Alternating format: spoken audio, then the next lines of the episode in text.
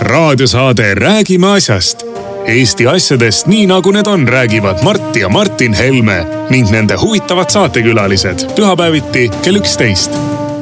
loe põnevate teemade kohta rohkem ka uudisteportaalist uueduudised.ee tere tulemast kuulama raadiosaadet Räägime asjast. asjast räägime Tre raadios, Ring FM-is, Ruut FM-is ja Kuressaare pereraadios igal pühapäeval hommikuti kell üksteist, õhtul kell üheksa on kordus ja internetist muidugi siis, kui süda lustib, saab kuulata oleme täna stuudios kahekesi, Mart Helme ja mina, Martin Helme ja pole vist kuu aega järjest või kaks pool, pool kuud vähemalt järjest koos stuudios olnud.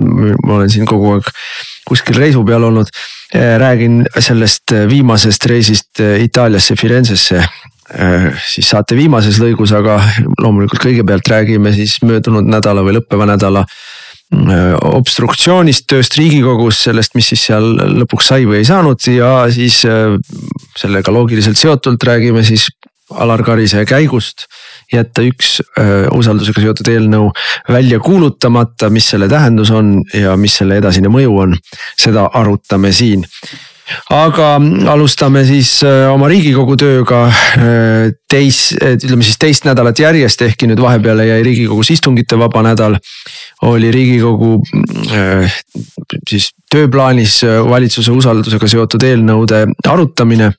valitsusega, valitsus saatis siis meile kokku kolmteist usaldusega seotud eelnõud. seitse tükki olid siis neist esimeses portsus ja kuus tükki teises portsus.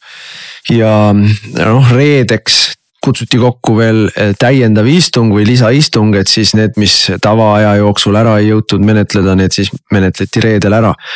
see muidugi võttis neilt kõvasti võhma ja vaeva ja, ja oli raske.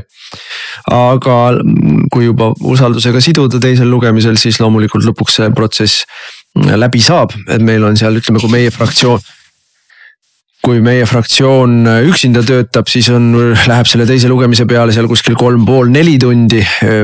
Küsimuste küsimused ja kõnede pidamised, noh kui ülejäänud mm, riigikogu opositsioonierakonnad, Isamaa ja Keskerakond ka kaasa lööksid, siis ütleme, see aegkulu oleks seal viis-kuus tundi vähemalt, võib-olla isegi rohkem. ja noh, läks niimoodi, et Keskerakond praktiliselt ei osalenud selles obstruktsiooni protsessis või selles ütleme siis niimoodi valitsuse töö raskemaks tegemise protsessis Isamaa osales niimoodi äh, ütleme mugavamatel kellaaegadel, et väga öösel, öösel väga ei olnud, aga siis õhtul ja hommikul oli olemas. ja noh, ma ütleks, et see üsna ilusti võtab kokku siis Isamaa sellise mm, panuse üleüldiselt meil opositsiooni töösse, aga ma ei taha väga jaurata Isamaa kallal siin. Äh, nad olid noh, nii niisugused nagu alati ja no ma ütlen selle peale vahepeal selle Isamaa kohta, et nad olid ka, nad ju põhimõtteliselt ütlesid ka varem meile, et eelarve vastu me oleme. eelarve vastu me oleme, kuna seal on nii palju maksutõususid seos, sees ja ja ähvardab automaks ja, ja no kuna nad on püüdnud sellest automaksust teha endale ka sellist ratsut, millega sõita ja, ja populistlikult populaarsust koguda on kleepsud autode peale pannud pidurit automaksule, no see on nii isamaalik. pidurit automaksule, mitte maksu, automaksule ei, vaid pidurit automaksule. tõmbame maha, kehtestame küll lõpuks, sest et no mis teha, eelarve vajab täitmist, aga kehtestame väiksema, kehtestame kuidagi niimoodi, et et noh, kuidagimoodi, et aga noh, mingit kahtlust ei ole ju selles, et nad püüavad võtta kogu aeg avalikkuse ees selliseid poose, eh, kus nad meie obstruktsiooni hukka mõistavad et neil on nii-öelda valge ja hea obstruktsioon, aga meil on nagu mingisugune paha ja must obstruktsioon. aga ainult tänu meie obstruktsioonile on ka neil võimalik obstruktsiooni üldse teha nii et, et siin kahjuks ka peavoolumeedia ju mängib väga selget mängu. kui on kuskil võimalik seda obstruktsiooni näidata nii, et võib-olla Isamaa saaks sealt mingi plussi, siis pannakse tingimata Reinsalu pilt sinna juurde, mitte sinu pilt, kes sa tegelikult või, või mõne meie erakonna fraktsiooni liikme pilt, sellepärast et meie tegelikult veame seda. kõik, kogu selle pika öö kõik need pikad ööd on meie saadikud olnud. me oleme tiimide kaupa seal väljas ja meie saadikud on need, kes võtavad vaheaegu, peavad kõnesid, me oleme seal pidanud kokku sadu kõnesid. esitavad küsimusi, kasutavad ära kõik need võimalused, mis veel on rikkumata jäetud, veel rikkumata jäetud, mis on väga oluline. jah ja no siis tulevad äh, hommikul, kui kell kukub, kell saab üheksa, siis on noh nagu normaalne aeg tööle tulla. siis tuleb ka mingisugune neli-viis Isamaa saadikut, kes kah oma väikese panuse annavad ja jätavad siis meedia abil püüavad jätta muljet, et aga meie ka tegime, see on noh natuke ikka sedamoodi nagu, nagu härg künnab ja, ja vao lõpul siis tõmbab hinge ja, ja sääsk piniseb sarve peal, aga me kündsime ja no ma äh, kohe jõuan selleni, et mida me siis saavutasime või mis see meie, mis see meie eesmärk oli ja kas me sellest eesmärgist siis, äh, kas me oleme sellega rahul meile.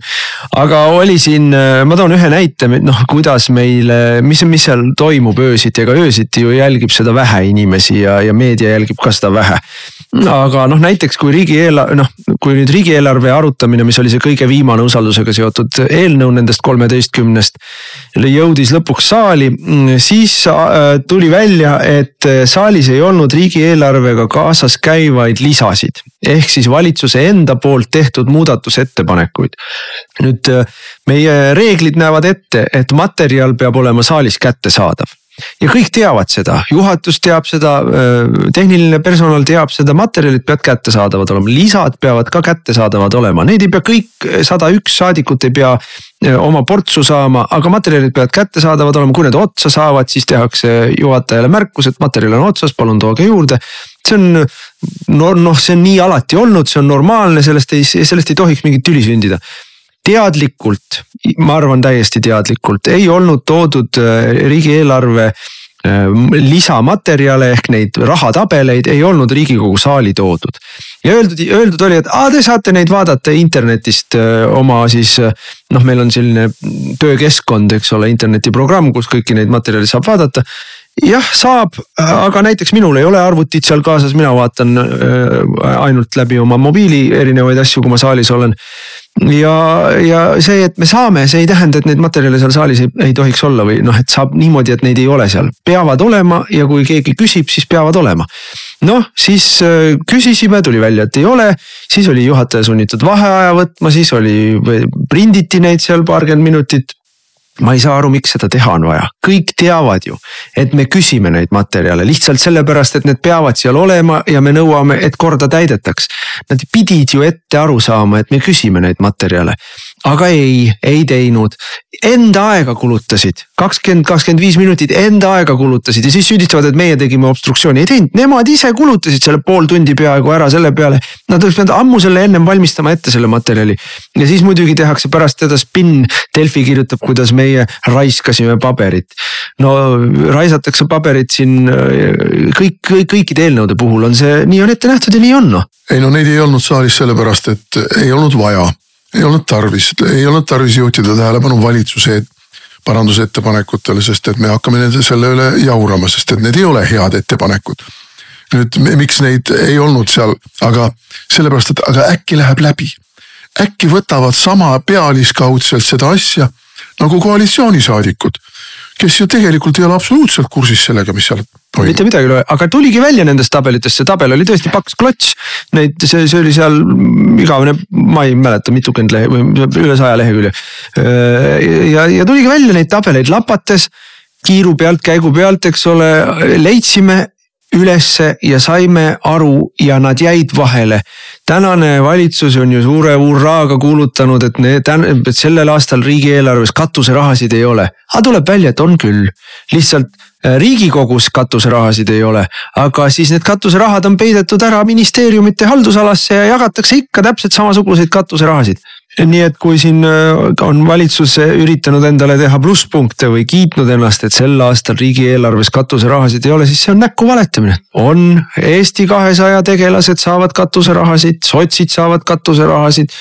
noh, kui oleks olnud kauem aega rohkem tuhnida, küllap saavad ka reformarid katuse, kõik saavad, noh loomulikult mitte siis opositsioonierakonnad. Aga see ju selle asja mõte ongi. ei no see käib ministeeriumite kaudu. just, just, just. ministeeriumite kaudu ja ministeeriumid on need, kes siis oma omadele jagavad sealt mingisuguste projektikeste ja noh, ühesõnaga kuidas seda. ei, aga nüüd on niimoodi isegi vaata vanasti noh, see on kogu aeg toiminud, et erinevatel ministeeriumitel on siis noh, ma ei tea, kodanikuühenduste jaoks eraldi mingid eelarveread ja.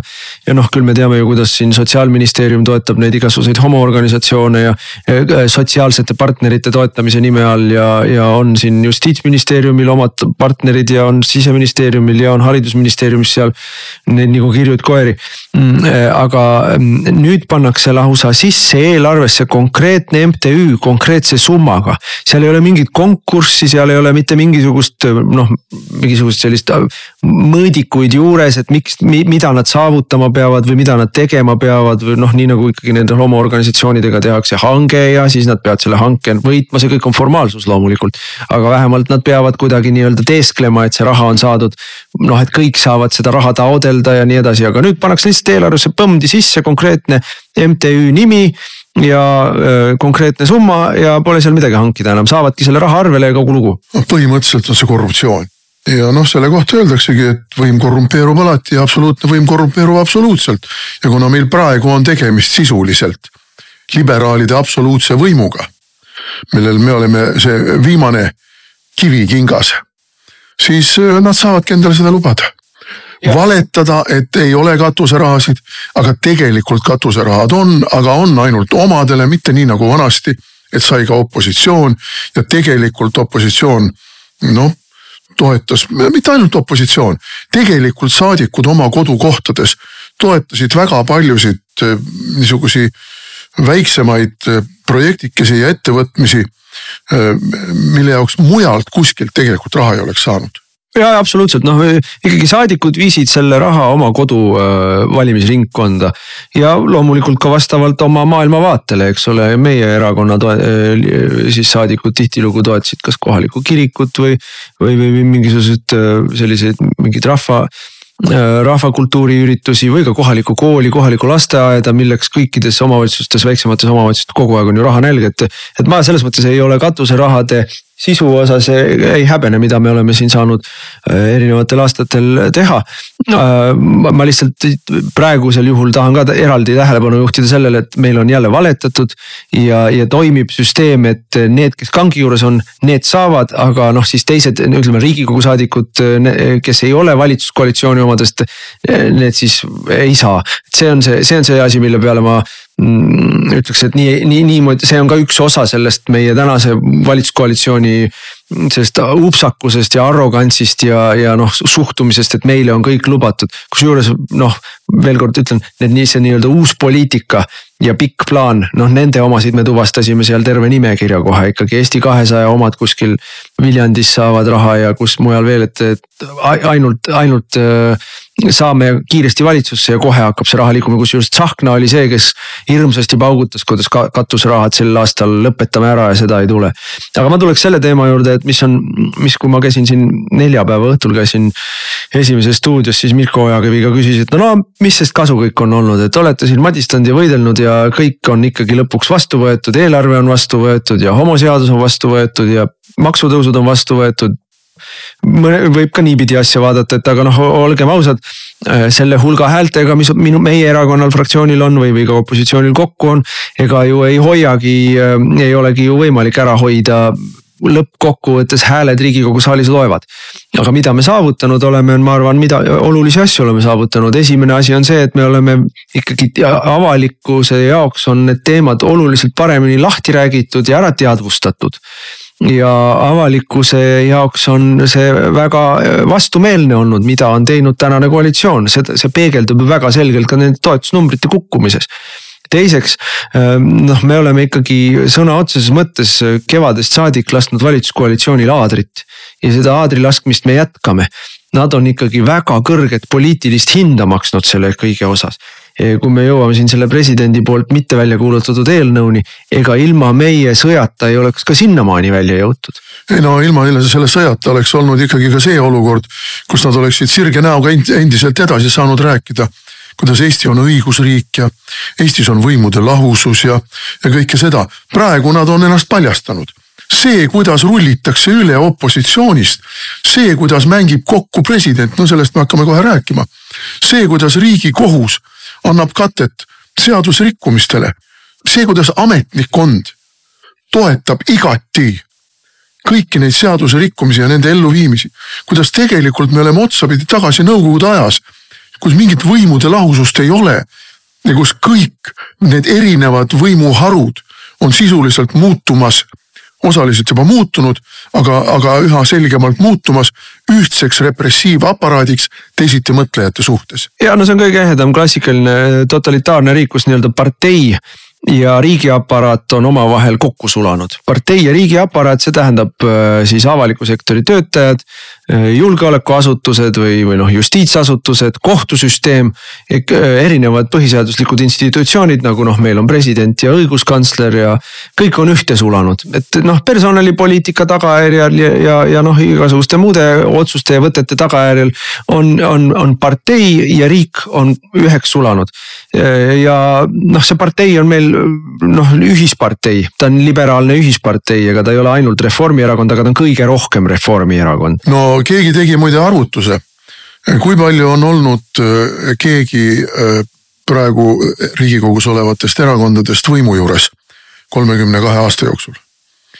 kuuskümmend kuus koma midagi protsenti on olnud Isamaa. jah, kõige oma, kauem tegelikult. oma erinevate nimede all null koma midagi protsenti vähem, ka kuuskümmend kuus midagi protsenti on olnud Reformierakond. siis on sotsid, sotsid olid vist kuskil mingisugune, ma valetan, kui ma ütlen. jupp maad vähem jah. aga tükk maad vähem. no meist ei maksa rääkida, me oleme kokku olnud viis protsenti ja Keskerakond on, on ka seal olnud mingisuguse paarkümmend protsenti aga, aga kui sa kuulad Reformierakonda, siis kõikides asjades oleme süüdi meie. Valesti ja halvasti on selle oma viie protsendiga. nii et äh, kui siin keegi püüab rääkida sellest, et äh, kellegi näpud nendest ühisparteilastest ja ühisparteisse kuuluvad äh, mitte ainult need, kes on praegu võimul. ma ei pea silmas Reformierakonda, sotse, Eesti kahesada, no Eesti kakssada on üldse, see on ajutine nähtus. eks nad kaovad või sulavad ühte nende teiste liberaalsete rühmitustega seal aga põhisüüdlased kõikides nendes asjades, mis meil on Eestis valesti, on Reformierakond ja Isamaa. Nad on põhisüüdlased, kaasvastutavad kõikide nende halbade asjade eest, mis Eestis praegu on. ja nojah, Eesti kakssada on sünteetiline partei loodud täiesti noh, tehislik ja, ja noh künnise peal, enam-vähem künnise peal seal viie-kuue protsendi, kuue protsendi kandis. kui meil peaks tulema erakorralised valimised, siis mina arvan, et nad üle künnise ei tuleks see on üks põhjus, miks meil erakorralisi valimisi ei tule ja seda noh, ka kriitikud ütlevad, noh näe, võitlesite, ütlesite, et te tahate erakorralisi valimisi ja. aga näe, ei saanud, president ka ütleb, et riigieelarve ta kuulutab välja ja et tema sellega venitama ei hakka ja kui riigieelarve õigeaegselt välja kuulutatakse. noh, siis erakorralisi valimisi meil praegu ei tule, et kogu meie skeem oli üles ehitatud ju selle peale, et me suudame hoida riigikogus kinni nii kaua er-, riigieelarvet, et, et see ei hakka kehtima ennem esimest märtsi millisel juhul põhiseadus ütleb selgelt, et tulevad automaatselt erakorralised valimised.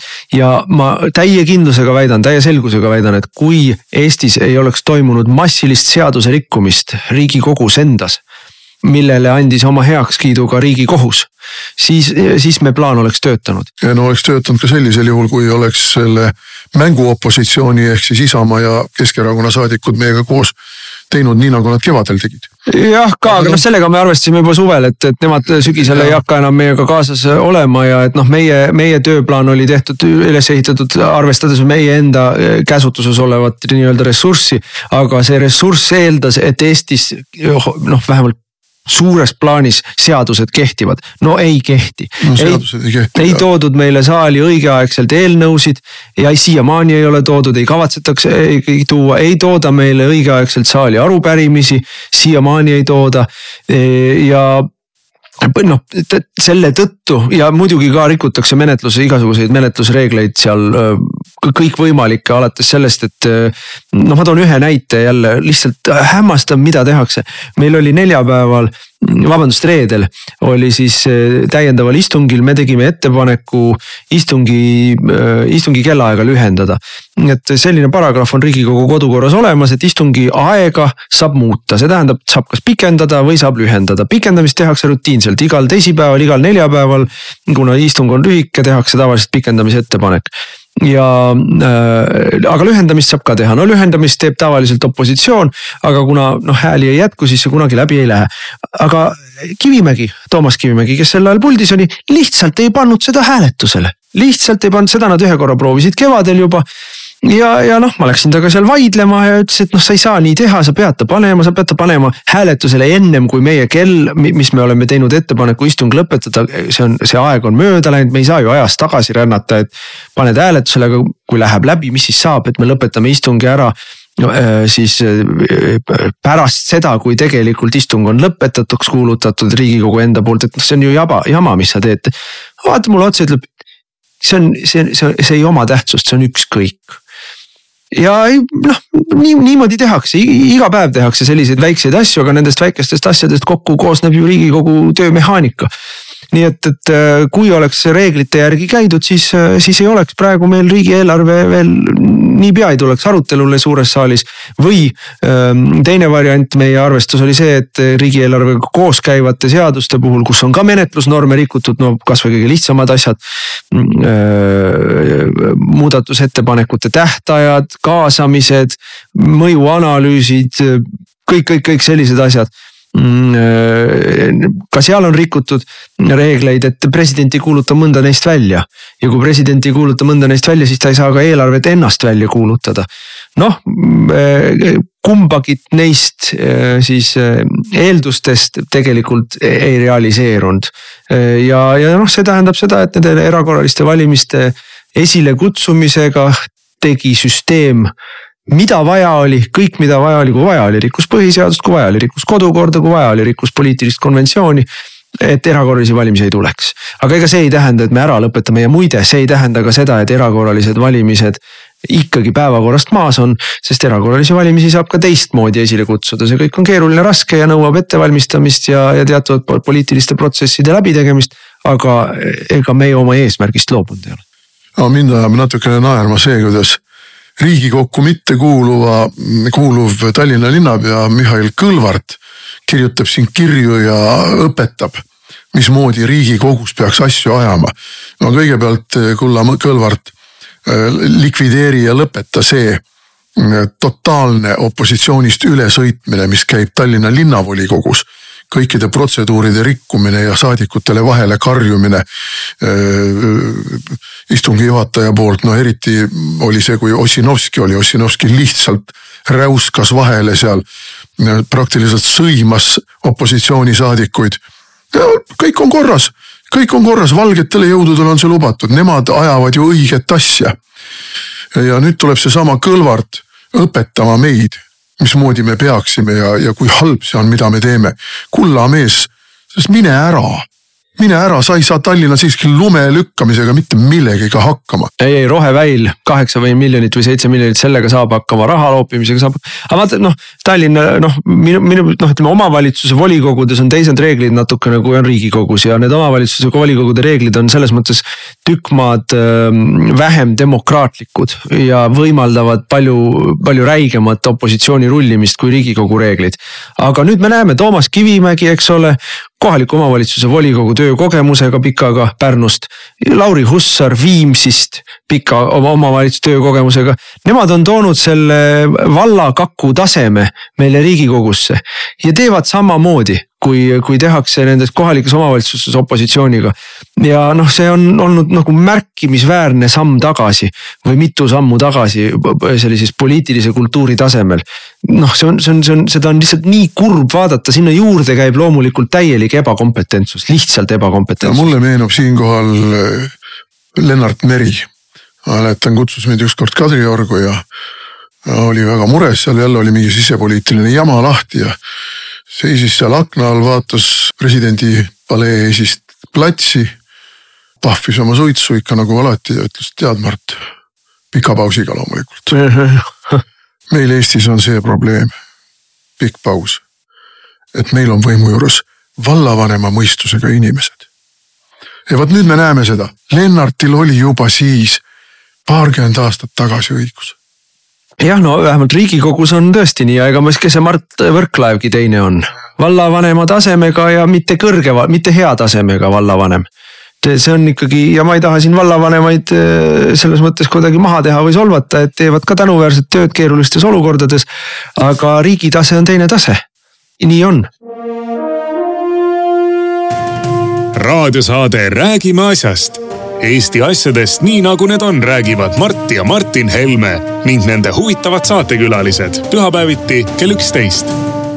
loe põnevate teemade kohta rohkem ka uudisteportaalist uueduudised.ee jätkame saadet, saate nimi on Räägime asjast ja läheme siit edasi sellesama Kadrioru teemaga või presidendi teemaga, noh president kutsus või ma ei tea, kuidas seda, kust otsast algas õigupoolest tahtsin mina kõigepealt presidendiga ise kokku saada, siis ta vahepeal jäi haigeks ja siis, kui ta terveks sai, siis ta oli juba kutsunud kõik erinevate riigikogu. ei no tehti jälle PR, eraldi ja esimesena läks niinimetatud peaministrikandidaat Urmas Reinsalu. ja siis järgmisel päeval läksid riburadamisi kõik ülejäänud. see oli ju jällegi, jällegi PR, et noh välja näidata, et missugused on meil alternatiivid, aga tegelikult on ainult üks alternatiiv. see oleme meie, sest kõik teised on sellesama ühispartei erinevad harud ja sellega tõesti nõus ja no nii või naa, siis seal presidendi juures kõik käisid ja jutukest rääkisid ja sai teed juua ja küpsist süüa noh, ma ütleks, et üsna sisuline vestlus oli ehm, käisin kõik need teemad üle, tähendab ehm, esiteks käisin selle üle, et minu meelest ei saa tervet hulka usaldusega seotud eelnõusid välja kuulutada, sellepärast et seal on põhiseaduslik probleem. Ehm, põhiseaduslik probleem on noh, ütleb kahetahuline või, või seisneb kahes erinevas aspektis, esimene on see, et meil on terve hulk lõivusid, trahvisid riigil siis erinevaid tasusid mis hakkavad kehtima põhimõtteliselt mõnenädalase etteteatamise ajaga. aga lõivud, trahvid, tasud, sundkindlustused on äh, kõik põhiseaduses kirjas samas paragrahvis, kus on maksud ja Eestis on äh, riigikohtu lahend ja ammune poliitiline selline äh, konventsioon, et maksude tõstmist tuleb pool aastat ette teatada. aga nüüd maksude tõstmist tõesti teatati pool aastat ette, aga kõikide muude koormiste tõstmist tehakse paarinädalase etteteatamisega, minu meelest on see siin täiesti selge vastuolu põhiseadusega, ma seda seletasin ka presidendile nüüd äh, see, see, see, see temani ei jõudnud, tema sellel alusel ta ühtegi eelnõud välja kuulutamata ei ole siiani jätnud. Äh, teine probleem on see, et seaduste menetlemisel on selgelt rikutud riigikogu kodukorda, riigikogu saadikute õigusi. ja, ja noh, demokraatia kõige elementaarsemaid põhimõtteid ja selle tõttu ei saa neid eelnõusid välja kuulutada ja kui me ja ma noh, sellest oli ka veel eraldi jutt, et noh, tänaseks päevaks me oleme ju jõudnud põhimõttelisse olukorda, kus meil on justkui parlamentaarne riik, aga seadusloome ehk seaduste tegemine on selgelt ainult valitsuse eesõigus. valitsus, kes on täitevvõim ja peab pea, seadustest lähtuvalt, riigikogu otsustest ja seadustest lähtuvalt neid nii-öelda ellu viima, täitma. on hakanud ise tegema seaduseid sest et seda tähendab muide äh, usaldusega seotud eelnõude vastuvõtmine, riigikogu lülitatakse seadusloome protsessist välja, riigikogu hääletab kas poolt või vastu. ja ta isegi ju ei hääleta mitte selle konkreetse seaduse poolt või vastu, vaid ta hääletab poolt või vastu, kas ta toetab valitsuse jätkamist et noh, ongi ainult üks küsimus, meil kolmteist eelnõud oli, mille kõige puhul oli tegelikult ainult üks küsimus. kas me siin hääletame äh, poolt või vastu Kaja Kallase valitsuse jätkamisele? Mis sõltuvalt sellest, mis seal sisu on, kas see oli mingi tervishoiuseaduse muutmine või see oli maamaksuseaduse muutmine või see oli tee, teetasude muutmine või see oli.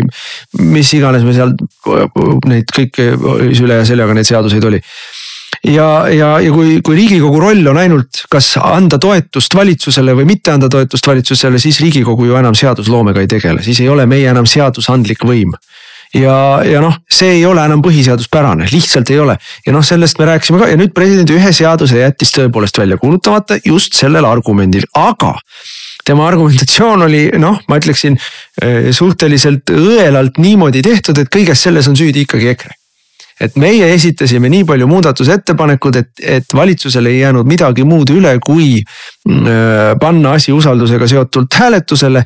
ja kuna see võttis kogu ülejäänud riigikogu saadikutelt ära võimaluse seadusloome protsessis osaleda, siis on piiratud ütleme siis nelja viiendiku parlamendisaadikute õigusi teostada oma mandaati ja see on põhiseadusvastane olukord. ehk siis tegi sellest veel meie süü.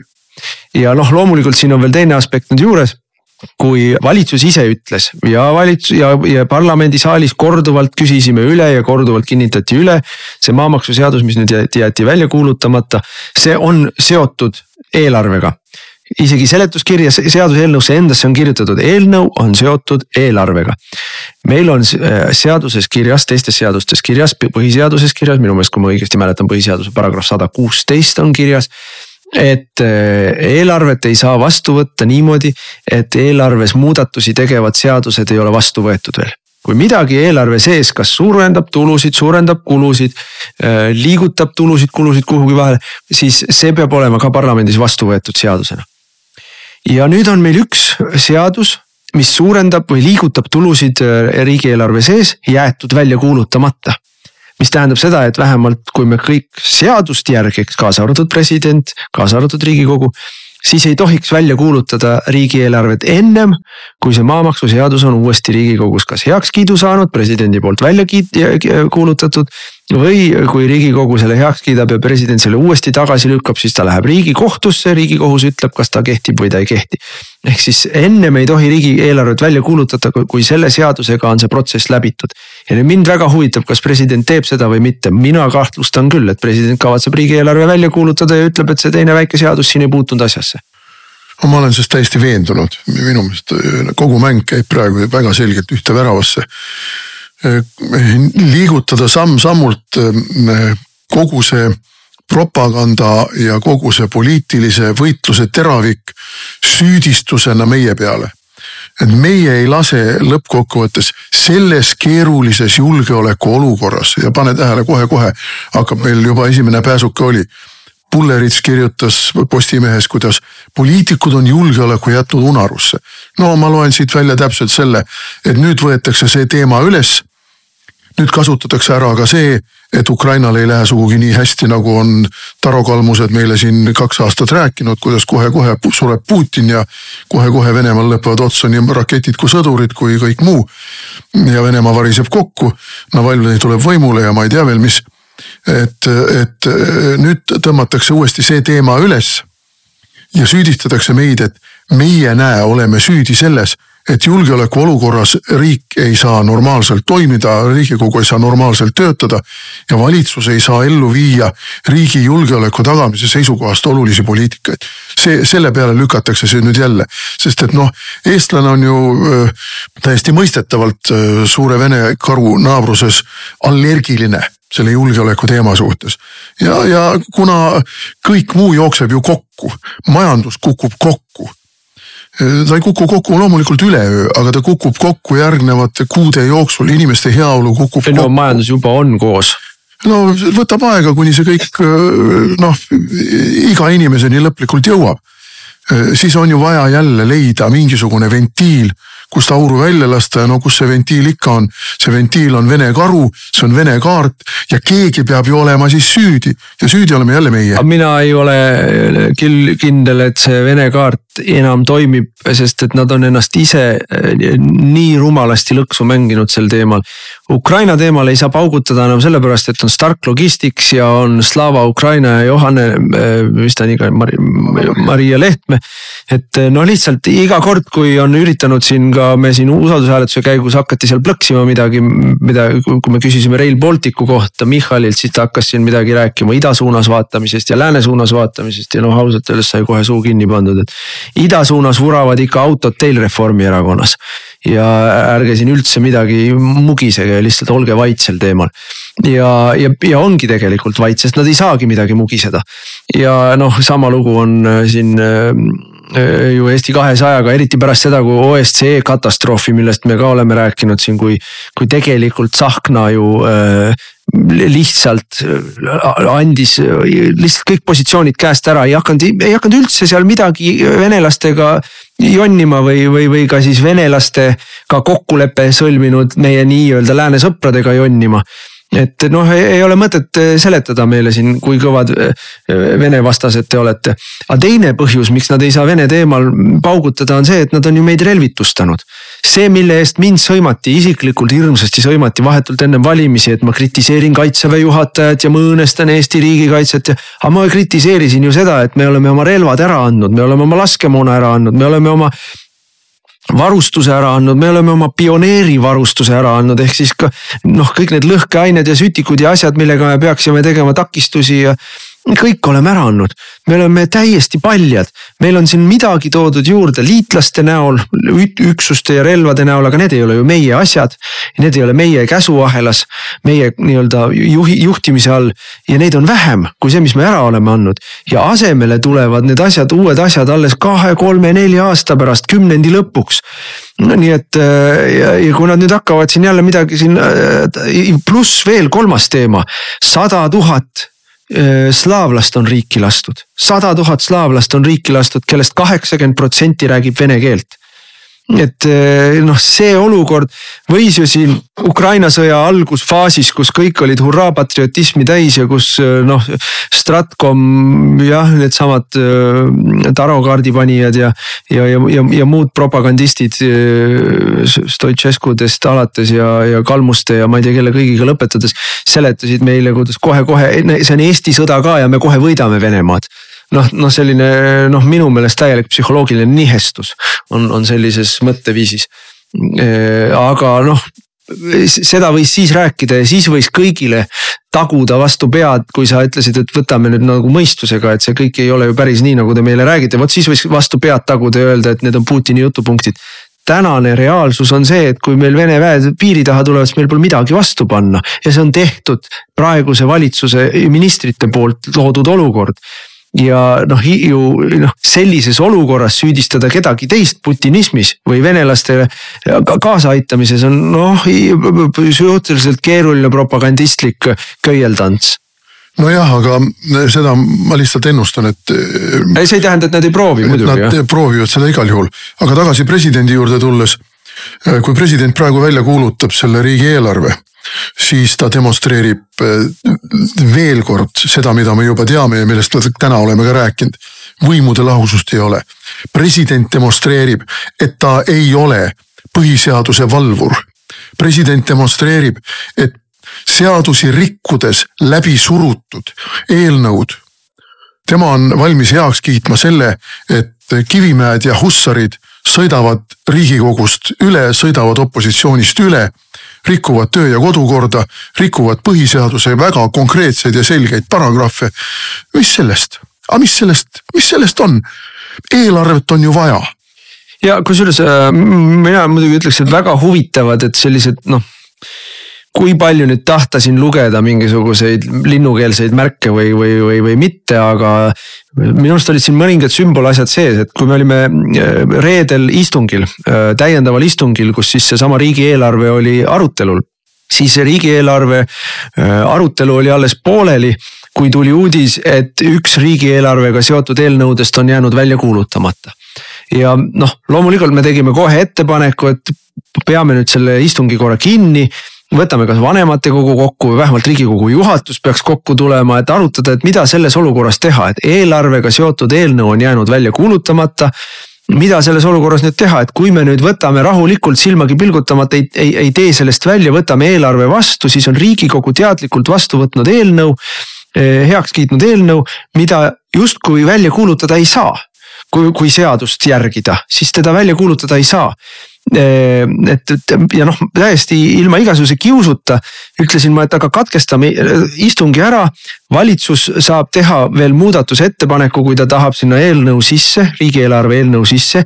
et ta võtab selle välja kuulutamata jäänud eel, äh, eelnõu eelarve mõjud eelarvest endast välja ja siis ei teki meil pärast põhiseaduslikku umbsõlme seal selle eelarvega, ei teki presidendil, ei teki parlamendil. et peame nüüd hoogu korrale, arutame läbi, mis need, need variandid on, ei, mitte mingil juhul, kusjuures kuna see on ju valitsuse usaldusega seotud eelnõu, siis sinna valitsuse usaldusega seotud eelnõule ei saa teha katkestamise ettepanekut, et paneme korra seaduse pausile, mõtleme ja seda eelnõud ei saa tagasi võtta menetlusest, sest siis kukub valitsus. nii et nad olid oma suure usaldusega sidumisega ennast täiesti nurka mänginud, valitsuskoalitsioon ei saanudki mitte midagi muud teha, kui lihtsalt teerulliga edasi sõita äh, andes endale ilmselt väga hästi aru, et see on konstitutsiooniliselt väga küsitav, mis nüüd tehti. selle eelarve vastuvõtmine minu arvates on seadusega äh, vastuolus seda ei oleks tohtinud vastu võtta praegu või kui nüüd riigikogu selle vastu võttis, siis minu meelest president peab selle ilmtingimata riigikogule tagasi saatma. Äh, ja riigikogu siis arutab teda uuesti ja noh, nii edasi, seal on omad protsessid edasi. aga tegelikult ei oleks niimoodi saanud teha, see on kõik seadusega vastuolus. aga noh, ma millegipärast ma ei ole optimist, et me siin näeme presidendi poolt seda seaduse järgimist või ka kui see läheb lõpuks riigikohtusse, et riigikohus seda seadust järgiks, et liberaalsele leerile, liberaalsele klikile on kõik lubatud, peaasi, et nemad saavad valitseda. peaasi, et erakorralisi valimisi ei tule, sest jumala eest, nii nagu rahvahääletuse ajal äh, perekonnaseaduse teemal, nagu me, kui me tahtsime teha, eks ole, abielureferendumi. siis ka, siis ei tohtinud rahvas saada mingit sõnaõigust poliitikas. ükskõik mis hinnaga, ükskõik mida, mismoodi seda rikuti, kõiki reegleid, kõiki poliitilisi konventsioone. kukutati valitsusi, tehti kaporatuuri riigipööre, peaasi, et rahvas ei saaks hääletust. ja nüüd on täpselt sama suhtumine. mitte mingil juhul ei tohi rahvas saada uuesti valimiskastide juurde no mina ütlen, et nad limukad leiavad alati mingisuguse limu, limase väljapääsu. Ja, see väljapääs on see, Karis kuulutab riigieelarve välja, aga eh, ei kuuluta, ühesõnaga noh, see tagasi lükatud eelnõu saadetakse talle juba muut-, muutumata kujul uuesti ta vaidlustab selle riigikohtus. riigikohus ütleb jah, siin on olemas teatud põhiseaduse riive, aga see ei ole nii suur ja tõsine ja siin ei ole tegemist nii suurte summadega, et sellepärast peaks jätma selle välja kuulutamata. ja siis on jälle kõik koššer ja siis on koššer ka riigikogu või vabandust, riigieelarve väljakuulutamine ja vot sellise limase mänguga saavad nad suurepäraselt hakkama. ja noh, jurist, juriidiliselt on kõik korrektne lahendus leitakse ja, ja noh, see kõik korrektne tähendab seda, et noh, nii nagu me lugesime ju riigikohtu lahendit äh, nende arupärimiste ja eelnõude mitte saali saatmisega. riigikohus väga selgelt ütles, jah, on rikutud seadust, aga selleks oli hea põhjus ja, ja las ta siis jääb noh, et võis nii teha. Nii et äh, ma millegipärast arvan, ma, ma ei ole väga optimist, minu meelest on otsustatud, süvariigis on otsustatud, et mitte mingil juhul praegu ei tule eh, erakorralisi valimisi, sest et nii on otsustatud. ja kui selle otsuse realiseerimiseks on vaja rikkuda põhiseadust või mõnda teist seadust või lihtsalt demokraatia ära lõpetada.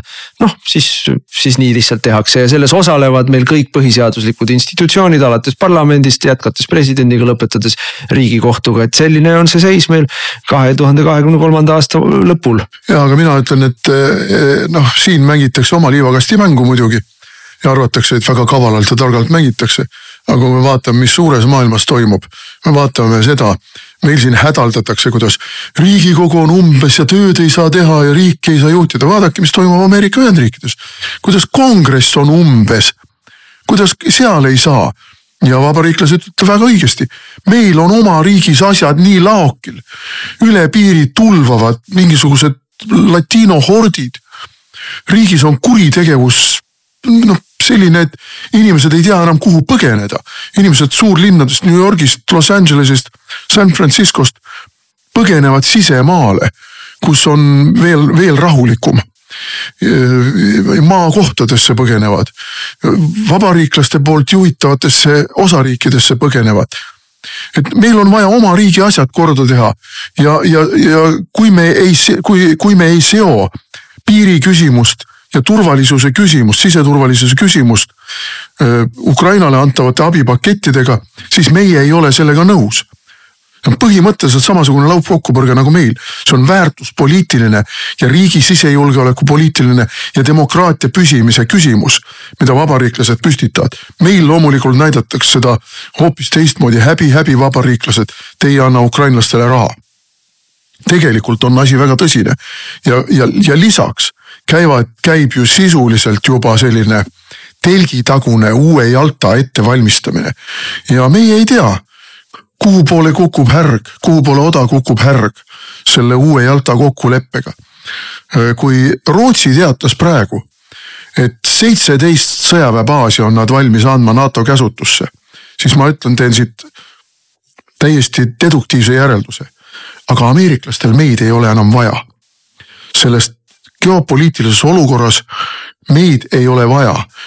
olukorras, kus Läänemeri lahutab Rootsit ja Rootsis olevaid baase Venemaast ja tänapäeva relvastuse kiirus, rakettide lendamise kaugus ja kõik muu on sellised, et Rootsist on võimalik opereerida tunduvalt paremini kui, kui meil siin Eestis, Lätis, Leedus.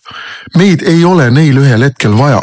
kuidas nad selle küsimuse jälle lahendavad niimoodi, et nägu päästes käed puhtaks pühkida ma ei oska seda täpselt öelda, aga siin võib olla selline asi, et meie liivakastimängud jooksevad kõik umbe, sest suur liivakastimäng tuleb suur kallur ja kallab suurde liivakasti öö, uue liivahunniku peale ja meie liivakast lihtsalt jääb selle uue liivahunniku alla. ei no me nägime seda ju, kui oli OSCE eesistumise küsimus, see, see sihuke ahastav või uljas, kuidas kunagi tooni on vaja valida, me ei ole enam kunagi üksi, me ei ole enam kunagi üksi.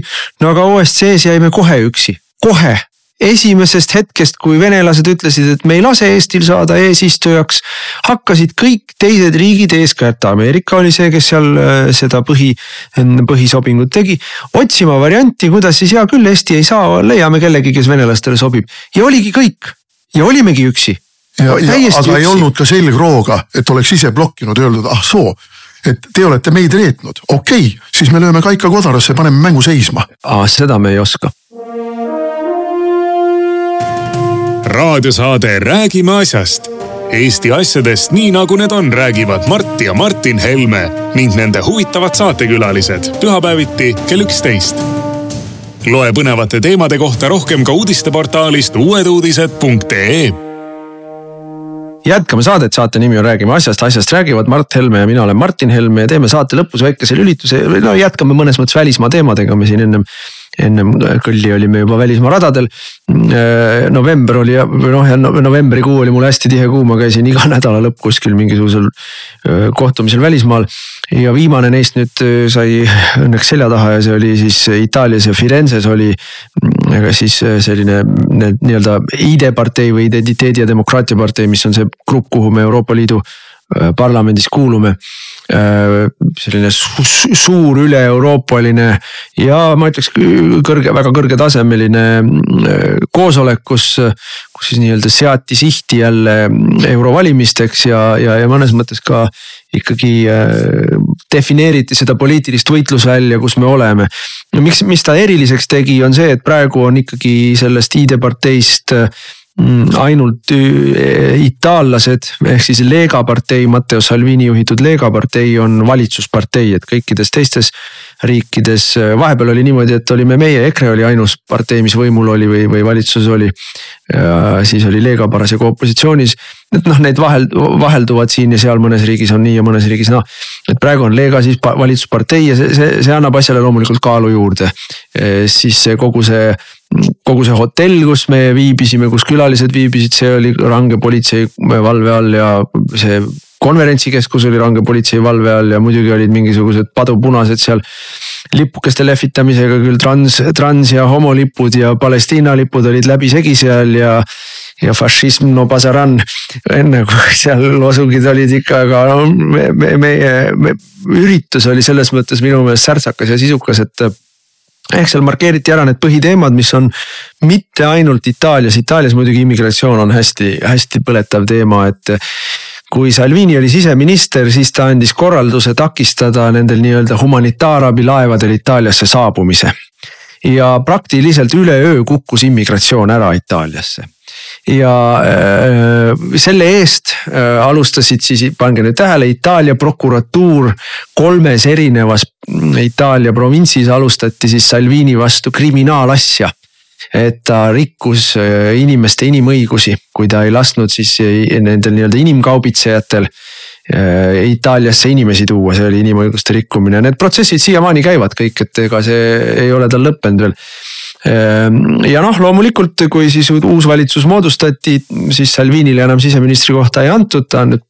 ma ei tea, kas infrastruktuuriminister või midagi taolist, ehitab teid ja raudteid ja, ja lennujaamasid, aga äh, uus siseminister ei ole enam sellist korraldust andnud ja Itaaliasse tulvavad edasi need inimkaubitsejate laevad, kes nimetavad ennast siis humanitaarabilaevadeks ja see on väga-väga tõsine probleem, see on ka tegelikult sealsele valitsusele tõsine probleem, et noh, valiti selgelt nii Salvini Lega parteid kui siis Meloni peaminister Meloni Itaalia vennaskonnaparteid ju väga selge lubadusega, et immigratsioonile pannakse selge stopp. noh, aga tegelikult sellega ei olda ei ole, ei ole hakkama saadud ja aga noh, immigratsioon on kõrvetav, kõrvetav probleem praktiliselt kogu Euroopas, et kui me vaatame Saksamaad, Saksamaal on immigratsioon suuremates numbrites, kui ta oli kaks tuhat viisteist kui Angela Merkel kutsus, et tulge kõik ja wir schaffen das, et saame hakkama. kui me vaatame Prantsusmaad, siis need numbrid on täiesti käest ära läinud, numbrid on suuremad, arvud on suuremad, kui nad olid jälle siin selle nii-öelda kaks tuhat viisteist immigratsioonikriisi tipul. Neid arve suurendab muide oluliselt loomulikult Ukraina sõda, et see, see, see Ukrainast on ikkagi lahkunud kuskil seitse miljonit inimest ja põhiliselt on ju lahkunud Lääne-Euroopasse, jah, meile on tulnud sada tuhat ja meie väiksuse juures oleme me nii-öelda per capita üks suuremaid vastuvõtja riike üldse. aga Saksamaal on neid miljon umbes, mis muidugi noh, on, on protsentuaalselt väiksem number kui Eestisse, aga, aga miljon, miljon inimest Saksamaale on suurem arv, miljon inimest Ukrainast Saksamaale on suurem arv kui, kui oli Angela Merkeli ajal. ja sellele miljonile ju lisandub seal siis mingisugune pool miljonit moslemit ja, ja neegrit nii et eh, noh, see seis on seal täiesti õudne, Ita-, või vabandust, Prantsusmaal iga päev tapetakse Allah Akbar kisamise saatel eh, mõni inimene, iga päev. ja nüüd juba ikkagi triumfikaare juures, mitte lihtsalt kusagil noh, sellises eh, slummis. väikestes külades, väikestes maakülades oli see suur skandaal paar nädalat tagasi Prantsusmaal toimus selline noh, mitte päris Oktoberfest, aga nende mingisugune sügisandide pidu, mingisugune traditsiooniline noh, ma ei tea, meie, meie mõistes mardipäeva pidav tähistamine, midagi taolist. ja, ja naaberkülast, mis oli immigrante täis, loomulikult moslemi immigrante täis, saabus järsku kohale löögiüksus, matšeetedega hakati lihtsalt noori taga ajama ja tapetigi ära. ja, ja noh, tohutu, tohutu rahva pahameeletorm, mille peale vastas siis siseminister ja peaminister ja president et kõik, kes äh, praegu võtavad sõna immigratsiooni vastu, on, äh, on paremäärmuslased ja on riigivastased ja, ja nendega riik hakkab tegelema, et mitte, mitte see, et sul moslem äh, matšeetega kuueteistaastase poisi puruks taob sinna juurde Allah Akbar karjudes, see ei ole probleem probleem on see, et keegi sai selle peale vihaseks. ja noh, sama lugu on Iirimaal, no Iirimaal on täiesti käest ära läinud, Iirimaa külad, väiksed linnad püstitavad teedele barrikaade. Sest valitsus tassib sinna öövarjus bussidega immigrante koolivõimlatesse, kohalikesse hotellidesse, pansionaatidesse, vanadekodudesse, kirikutesse topib immigrante, sest neid ei ole enam kuskile panna suurtes linnades. no ja loomulikult need immigrandid on seal, nagu me kõik oleme piltide pealt näinud, siuksed paarikümne aastased tursked sellid, kes, kes pole ammu tädiranda saanud.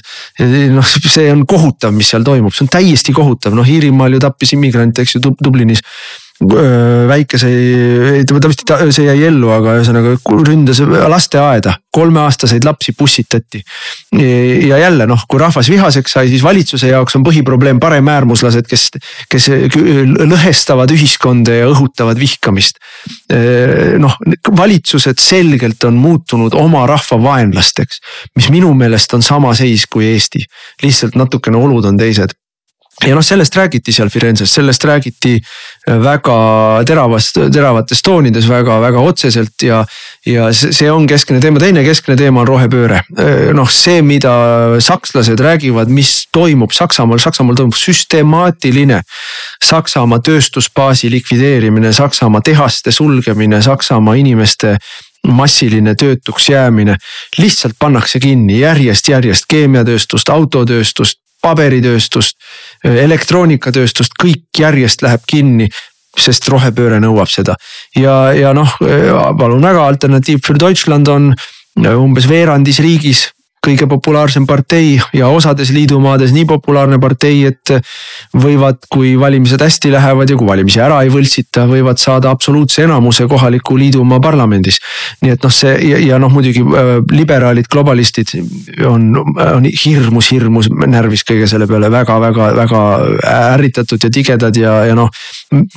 oskavad sellele minu meelest reageerida ainult ühtemoodi, keerates lihtsalt valjususe punni põhja oma vanade samade nende ajusurnud loosungitega, kuidas viha õhutamisest ja sallivusest ja kuidas oleme kõik sõbrad ja mitmekesisus on rikkus ja kogu see noh, see lihtsalt ei toimi enam minu meelest no aga mis meil teistmoodi on, kas meil on, leierdatakse täpselt samuti, ega siis igal pool on ju süvariigid upitanud riikide etteotsa ajusurnud intelligentsed idioodid, kes on, need on suures osas ka ju kõik poliitilised broilerid. Kui noh, külma sõja ajal tegid poliitilist karjääri ikkagi ka inimesed, kellel oli mingisugune reaalne haridus ja reaalne elukogemus mingis valdkonnas, kellel põllumajandus, kellel tööstuses, kellel veel kuskil mujal, siis nüüd ei ole seda ammu juba. poliitikas on juhtpositsioonidel inimesed, kes tegelikult reaalset elu ei tunne, kellel tegelikult elukogemust sügavuti ei ole, kellel on ainult poliitiliste skeemide ja loosungite kordamise ja korrutamise oskus. ja me näeme Eestis sedasama. no näe, Kaja Kallas teatas, et elu on läinud paremaks Eestis ju. me, me, me, me nägime ju ka siin obstruktsiooni ajal, kui meie ministrikesed, jumal hoidku, üks armetum kui teine tulid meie küsimuste turmtulele vastama. kõik me esitasime kaks küsimust ja mis vastuseid me sealt saime? mingid no mingit täi, täiesti rumalat, täiesti küündimatut, eelnõud tundmata, valdkonda tundmata mingisugust loosunglikku pläma jah, ja no ja läänes on sama seis ju, ega siis kui sa vaatad, vaatad, kes siis valitsevad enamikke riike Euroopas. noh, ühispartei, ühispartei broilerid ja, ja, ja, ja aga üks ühine joon on neil veel, ideoloogiline fanatism ja noh, kui nüüd rääkida sellest Firenze üritusest veel, siis noh, mis on eesmärk, eesmärk on ikkagi saavutada nii tugev positsioon. Et õnnestub ära blokeerida järgmises äh, Europarlamendis Ursula von der Leyen või tema taoline ühispartei broiler. ja, ja, ja see ajab muidugi hirmu naha vahele, siin muidugi tuleb äh, noh, saatuse iroonia või, või kuidas iganes me seda nimetame. ei ole kunagi mõtet äh, üritada diile teha nende kaabakatega. kuidas sai Ursula von der Leyen äh, komisjoni presidendiks? Poola tollase valitsuspartei Seadus ja õiglus äh, eurosaadikute toel, sest äh, poolakatele lubati jälle väike lisa eurorahakene, osteti sisuliselt nad mingi eurorahakesega ära. ja sest von der Leyenil oli nii napilt toetust, et ilma nende häälteta, noh poolakaid on palju ja, ja ta, ta sai mingi seitseteist häält ja see oli see täpselt, mis ta üle, üle piiri aitas. ja kuidas siis poolakad, äh, kuidas neile, neid siis tänati pärast keerati eurorahade kraanid lihtsalt kinni, sest õigusriigi äh, menetlus algatati. pärast äh, kästi kinni panna söega töötavad elektrijaamad ja kui seda ei tehtud, siis iga päev oli, ma ei mäleta, kas miljon või poolteist miljonit eurot trahv ehk siis lusikaga lubati ja kulbiga võeti ja loomulikult lõpuks kukutati siis süstemaatilise kampaania tagajärjel üldse see Seaduse ja õiguse partei äh, valitsus mm, äh, noh, erinevalt Ungarist, kus siis Orban äh, selgelt sai aru, kes ta vastas on ja kuidas mäng käib, siis noh, poolakad minu meelest mängiti valimistel üle. ja, ja, ja nad napilt kaotasid valimised, et see oli siis tänu neile. aga vast on õppinud järgmiseks korraks. no ma vaatasin see oli vist reede õhtul uudistes näitas sedasama von der Leyenit, kuidas Hiina visiit ei andnud tulemusi. ja kuidas ta süüdistas siis kuskil seal kõnet pidades Hiinat selles, et Hiina praktiseerib Euroopa Liidu suhtes ebaausat konkurentsi. ja mõtlesin, et, et kulla inimene, põrundaru õnnistus, te likvideerite oma majandust oma rohepöördega, hullumeelse rohepöördega lihtsalt likvideerite oma majanduslikku potentsiaali, oma rahvusvahelist konkurentsivõimet. ja siis sa arvad, et teised ei kasuta seda ära, kes ei tee samasuguseid idiootsusi järele. hiinlased ei tee selliseid idiootsusi järele. Aafrika ka ei tee, vaata, mis COP kakskümmend kaheksal oli, kõik Täpselt. on täiesti pöördes sellest, et selle mingi Araabia naftašeik ütles, et puudub teaduslik tõestus, et inimtegevus põhjustab kliima soojenemist, tal on jumala õigus, tal on jumala õigus puudub teaduslik tõestus. see on poliitiline loosung, aga sellel puudub teaduslik tõestus, küll on palju-palju neid teadusuuringuid, mis ütleb, et sellel on maakera kliimamuutusel on väga suur seos päikese aktiivsusega ja planeetide liikumise ja asendiga parasjagu mingisugustes kümneid tuhandeid aastaid kestvates tsüklites ja maakoore sees olevatel arengutel ehk siis vulkaanide aktiivsusel on väga selge seos kliimamuutustega. aga sellega, kas me sõidame bensiiniautoga, ei ole keegi suutnud ära tõestada, et on seos kliimamuutusega nüüd ma vaatan kella, et meil on aeg otsa saanud, et selline, selline saade meil täna sai, täname kõiki kuulamast, soovime ilusat talve jätku ja nädala pärast jälle. Te kuulasite raadiosaadet Räägime asjast. saate eest tasus Eesti Konservatiivne Rahvaerakond. järelkuulamine internetis treeraadio.ee ja uueduudised.ee